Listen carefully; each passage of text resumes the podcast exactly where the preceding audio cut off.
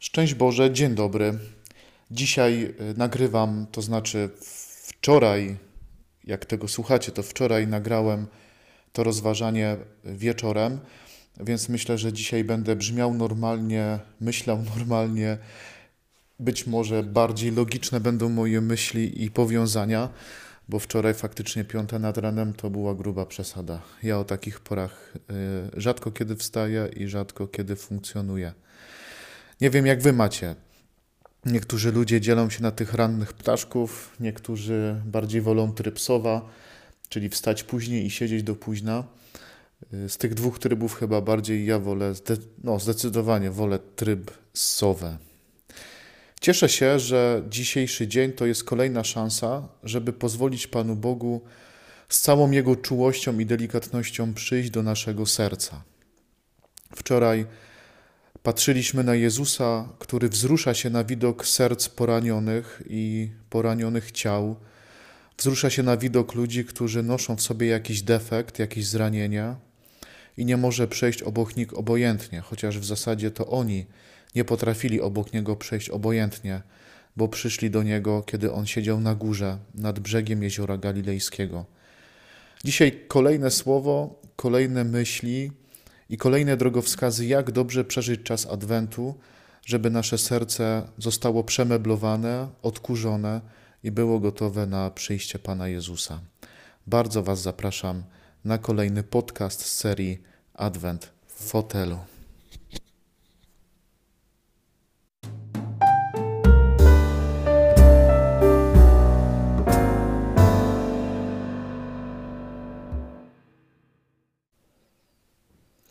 Kiedy zacząłem myśleć, y, rozważać, modlić się Ewangelią z dzisiaj, y, to po jej przeczytaniu jej początku pomyślałem sobie o takiej sytuacji, która być może często spotyka nas w życiu.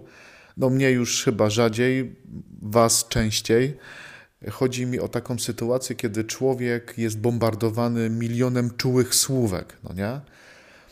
Myślę, że trochę tak jest y, w związkach damsko-męskich, czy potem w małżeństwach, że jest taki etap czułych słówek, no nie? Że małżonkowie czy tam zakochani używają do siebie takich różnych pieszczotliwych słów, tak? Y, mam taką grupkę znajomych, przyjaciół, z którymi jak się spotykam, to y, chłopak narzeczony do swojej narzeczonej y, mówi misiu i ona do niego też. Potem jest taki moment, kiedy się widzimy razem, że już wszyscy do siebie mówią misiu, trochę przedrzeźniając ich. No jest to trochę zabawne, ale też miłe, sympatyczne. To w sumie jest takie bardzo, bardzo fajne, jeśli tak ludzie do siebie się zwracają, ładnie do siebie mówią. Ale chyba potem przychodzi znów taki etap, że to trochę powszednieje i ludzie zaczynają do siebie mówić normalnie. Zresztą nie wiem, ale w każdym razie chodzi mi o to, że jakkolwiek byłoby pięknie w tych związkach i w tych relacjach, to tak naprawdę miłości nie mierzy się miarą czułych słów, nie? Miłości nie mierzy się ilością czułych słów. Każdy z nas dobrze wie, że można powiedzieć człowiekowi kocham cię i to mogą być puste słowa. Można człowiekowi powiedzieć zależy mi na tobie, ale olać go w sytuacji, kiedy on nas najbardziej potrzebuje. I wtedy nie mają znaczenia słowa, wtedy mają znaczenie czyny, nasz stosunek do, do człowieka w konkretnej sytuacji. E, nic z tego nie będzie, jeśli mąż czy narzeczony będzie swojej ukochanej przynosił kwiaty, będzie do niej się pięknie zwracał, a w momencie, kiedy ona go będzie potrzebować, to on będzie z kumplami na piwie. Nie? To zupełnie bez sensu. I myślę sobie, że kiedy Pan Jezus mówi do swoich uczniów, że nie każdy, kto mówi mi Panie, Panie, wejdzie do Królestwa Niebieskiego, to mówi właśnie o czymś takim, że w religijności i w wierze można wpaść w taką pułapkę czułych słówek. Nie? To znaczy, że my jesteśmy wobec Pana Boga bardzo mili. My bardzo ładnie o Panu Bogu potrafimy mówić, mówić też innym ludziom. Też pięknie potrafimy się do Niego zwracać na modlitwie, natomiast w momencie weryfikacji naszych słów, kiedy przychodzi sytuacja, kiedy musimy, nie wiem, o Chrystusie zaświadczyć swoim życiem, swoimi uczynkami, to łapiemy się na tym, że nasza postawa nic nie ma z wiary albo ma bardzo mało. I myślę, że o tym mówi Pan Jezus, kiedy mówi: Słuchajcie, nie ci, którzy mi pięknie mówią, którzy mi kadzą, którzy mi słodzą, nie oni odziedziczą Królestwo Niebieskie.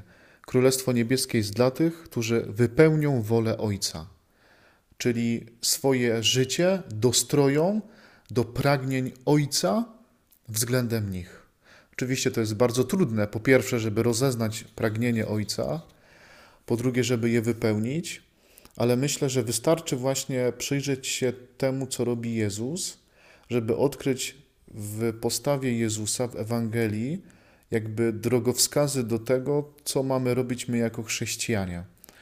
I jeśli nasze życie jest zgodne z tym, co chce dla nas Jezus, czyli jest zgodne z tym, jaki daje nam przykład życia, jeśli my potrafimy go naśladować, to być może jesteśmy właśnie ludźmi, którzy idą właściwą drogą.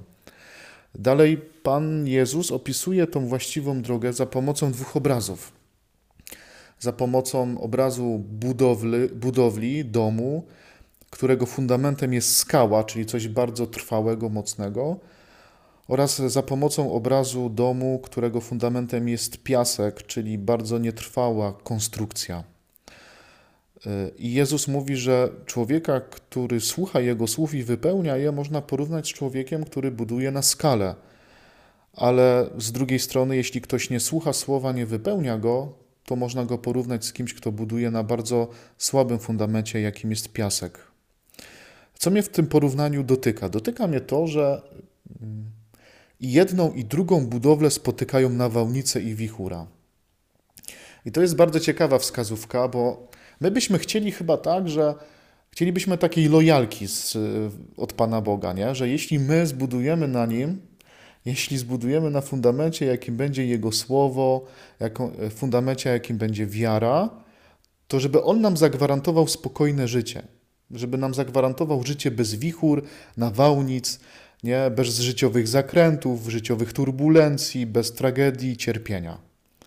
Tymczasem On mówi, że jeśli będziemy budować na jego fundamencie, to podobnie jak ten, który buduje na słabym fundamencie, będziemy przeżywać turbulencje w życiu, ale on nam gwarantuje, e, że te turbulencje przetrwamy, że uniesiemy to cierpienie, że dźwigniemy te trudności, a mało tego, najprawdopodobniej one staną się dla nas okazją do wzrostu.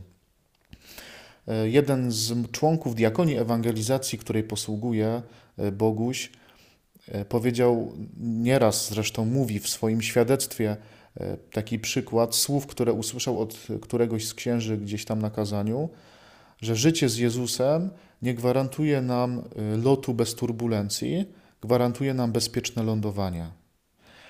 I chyba o to chodzi w wierze, że relacja z Bogiem nie gwarantuje nam sielanki, ale gwarantuje nam życie wieczne.